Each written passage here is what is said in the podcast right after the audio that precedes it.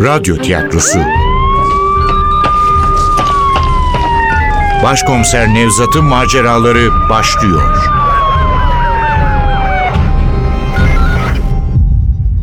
Kırlangıç Çığlığı 26. Bölüm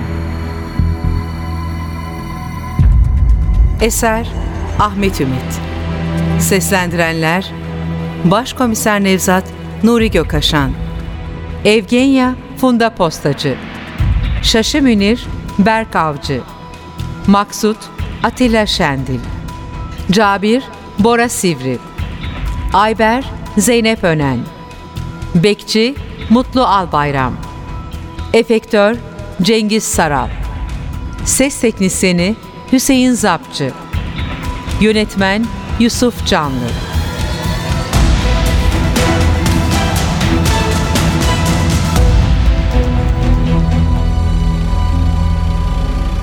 Feriköy'de sığınma evinin önündeki boş arsaya emektarımı park ederken saat 23.42'yi bulmuştu. Tüm ısrarlarıma rağmen Evgenya erken kalkmama izin vermemişti. Gitmem lazım desem de razı olmuyordu. Mümkün olduğu kadar ayrıntıya girmeden vaziyeti anlatmıştım ona. Yeşil gözlerini iri iri açarak sormuştu. Nasıl yani? Kendi çocuklarının organlarını mı satıyorlar? Sadece tahmin Evgenya, sadece tahmin.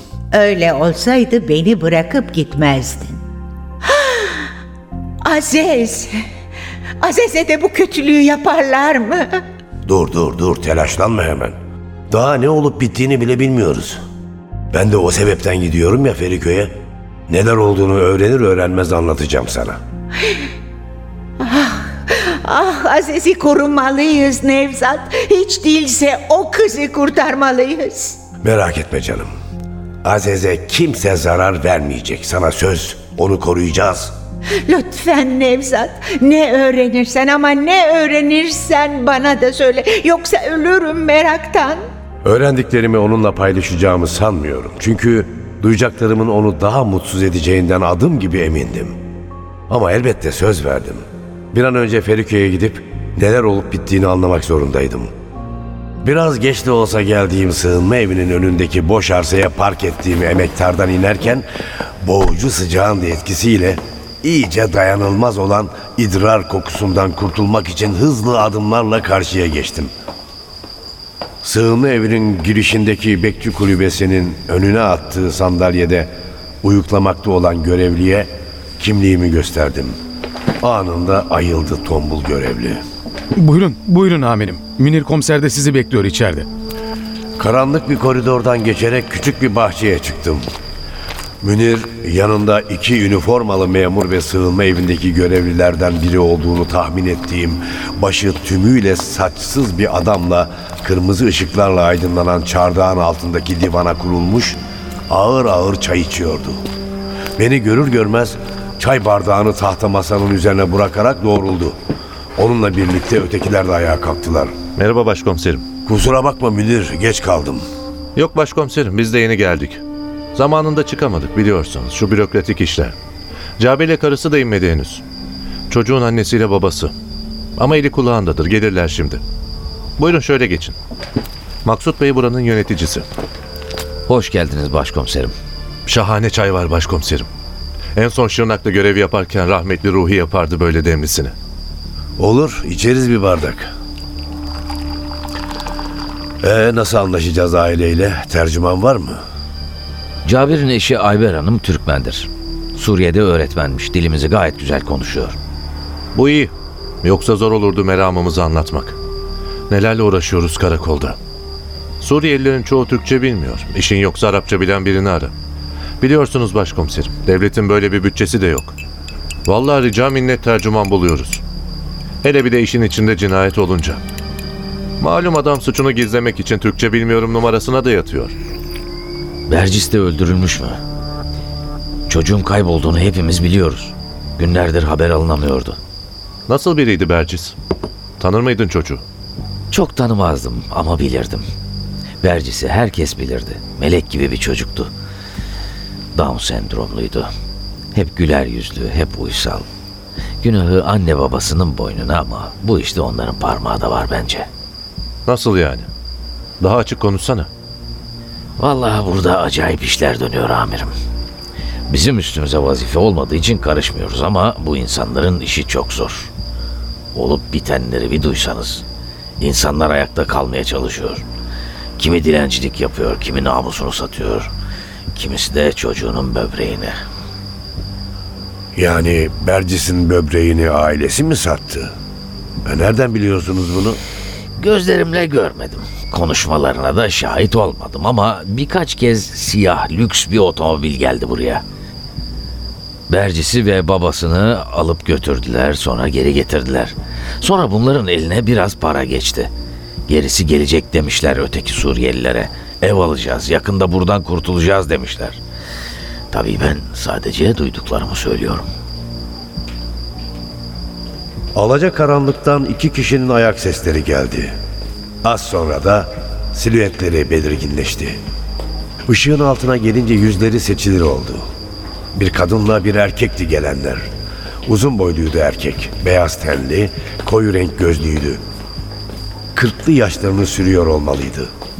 Kadın inadına esmerdi. Güzeldi, hem de çok güzel. Bütün bedenine sinen o ağır hüzünle bile bozamamıştı güzelliğini. İkisinin de bakışlarında derin bir endişe okunuyordu. Gecenin bu vaktinde neydi onları böyle ayaklandıran? Adam koyu renk iri gözlerini önce Münir'e sonra bana çevirdi. Sağ elini göğsüne bastırdı. Selamun aleyküm. Aleyküm selam. Gelin, gelin şöyle oturun. Cabir. Sen Cabir misin? E, evet ben Cabir. Ben Ayber. Cabir'in zevcesiyim. İyi. Türkçe anlıyor musun? Yok. Çok çok az bilirim Türkçe. Ben bilirim. Siz sorun ben tercüme ederim. Ben cinayet masasındanım. Oğlunuz için geldik. Bercis için. Çok üzgünüm. Başınız sağ olsun. Kocam teşekkür ediyor. Ne yapalım kader pek kadere benzemiyor. Oğlunuz ameliyat edilmiş, iç organları çalınmış. Cinayetten şüpheleniyoruz. Kadın hiç şaşırmadı ama gözlerinden yaşlar süzüldü. Kocasına döndü, söylenenleri tercüme etti. Cabir de şaşırmadı. Sadece bakışlarını kaçırdı. Adamın yüzünü utanç kaplamıştı. Bercis bir aydır kayıpmış. Neden polise bildirmediniz? Bildirsek ne olacaktı ki? Bizi insan yerine koyan mı var? Kim alakadar olacaktı kayıp çocuğumuzla? Ne demek kim alakadar olacak? Biz alakadar olacağız. Böyle konuşmak kolay. Bizim başımıza neler geldiğini biliyor musunuz? Hayatta kalmak için ne fedakarlıklar yaptığımızı biliyor musunuz? Yani Nankörlük etmeyelim ama. Bakın bu ülke size kucak açtı. Burada kalıyorsunuz, yatacak yeriniz, yemeğiniz var. Gözleri çakmak çakmak olmuştu kadının. Maksut'a döndü, söyleyecekleri boğazında düğümlendi, yutkundu. Sanki söylemek istediklerini karnının derinliklerine gömdü. Haklısınız. Sağ olun. Kaç çocuğunuz var? Yani Bercis'in kardeşleri de var değil mi? Üç, üç çocuğumuz var. Kusura bakmayın. Yani üç çocuğumuz vardı. Şimdi iki kaldı. Biri oğlan biri kız. Artık iki çocuğumuz var. Sizi üzmek istemiyorum. Kusura bakmayın ama ne yazık ki bunları konuşmak zorundayız. Bercis en büyükleri miydi? Evet, en büyükleriydi. En sessizi, en masumu. Hastaydı Berciz. Çok yaşamaz diyordu doktorlar. O yüzden mi organ mafyasına sattınız oğlunuzu? Efendi, efendi. Sen ne bilirsin bizim halimizi? Sen ne bilirsin üç çocukla yabancı bir memlekette yaşamayı? Belinde silah, elinde hükmünle dikilmişsin karşıma. Hadi mahkum et bizi. Hadi hapse yolla. Zaten ne farkı var? Lütfen Siz karışmayın lütfen. ama başkomiserim. Karışmayın. Şartlarınız çok zor anladığım kadarıyla Ayber Hanım. Zor mu? Biz bir cehennemin içinde yaşıyoruz efendi. Bercisi biz sattık. Kendi elimizde. Bir böbreğini alacaklardı. Bize para vereceklerdi. Çok para. O parayla yeni bir hayat kuracaktık kendimize. Ama olmadı. Dayanamamış kuzum. Ameliyat masasında kalmış. bize söylemediler. Sonra öğrendik. Evet, onu biz öldürdük ama korktuk polis anlatmaya. Çünkü iki çocuğumuz daha var geride. Yalan yok. Biz ölümü çoktan göze aldık. Lakin o iki yavru ne olacak? Bercesi ölüme gönderdik.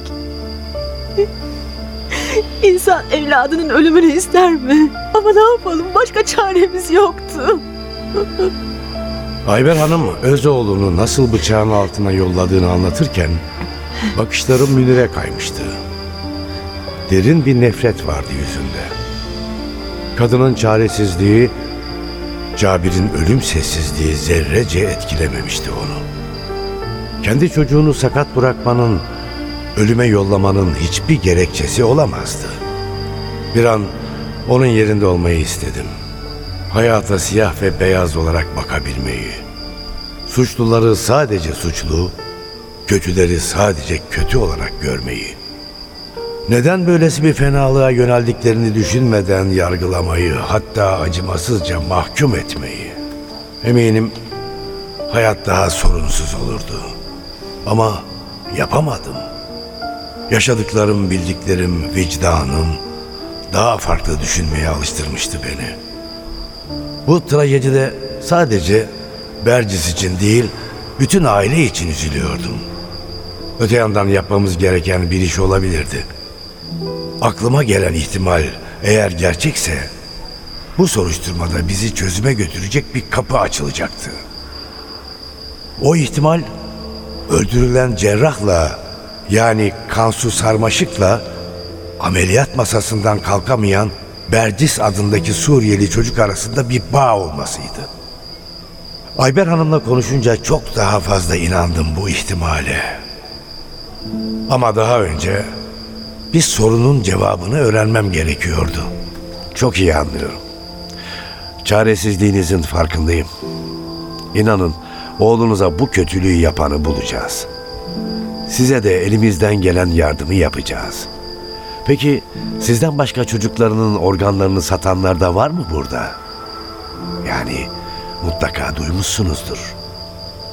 Geçen gün bir çocuğun ölüsü daha bulunmuştu. Fanhar.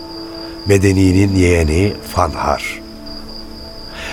İki çocuğun da ölmesi kafamızı karıştırdı.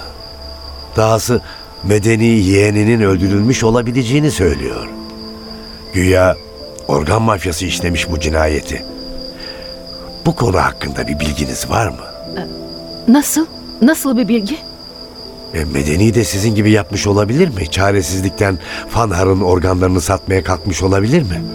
Belki karısı bir şey anlatmıştır size. Bilmiyorum. Medeni ile karısını fazla tanımam. Bilmezsiniz tabii. Ama başınız sıkışınca da polise suçlarsınız. Hadi bakalım ikiniz de toparlanın. Karakola gidiyoruz. Resmi soruşturma yapmamız lazım. Kırlangıç Çığlığı Eser Ahmet Ümit Seslendirenler Başkomiser Nevzat Nuri Gökaşan Evgenya Funda Postacı Şaşı Münir Berk Avcı Maksut Atilla Şendil Cabir Bora Sivri Ayber Zeynep Önen Bekçi Mutlu Albayram Efektör Cengiz Saral Ses Teknisini Hüseyin Zapçı Yönetmen Yusuf Canlı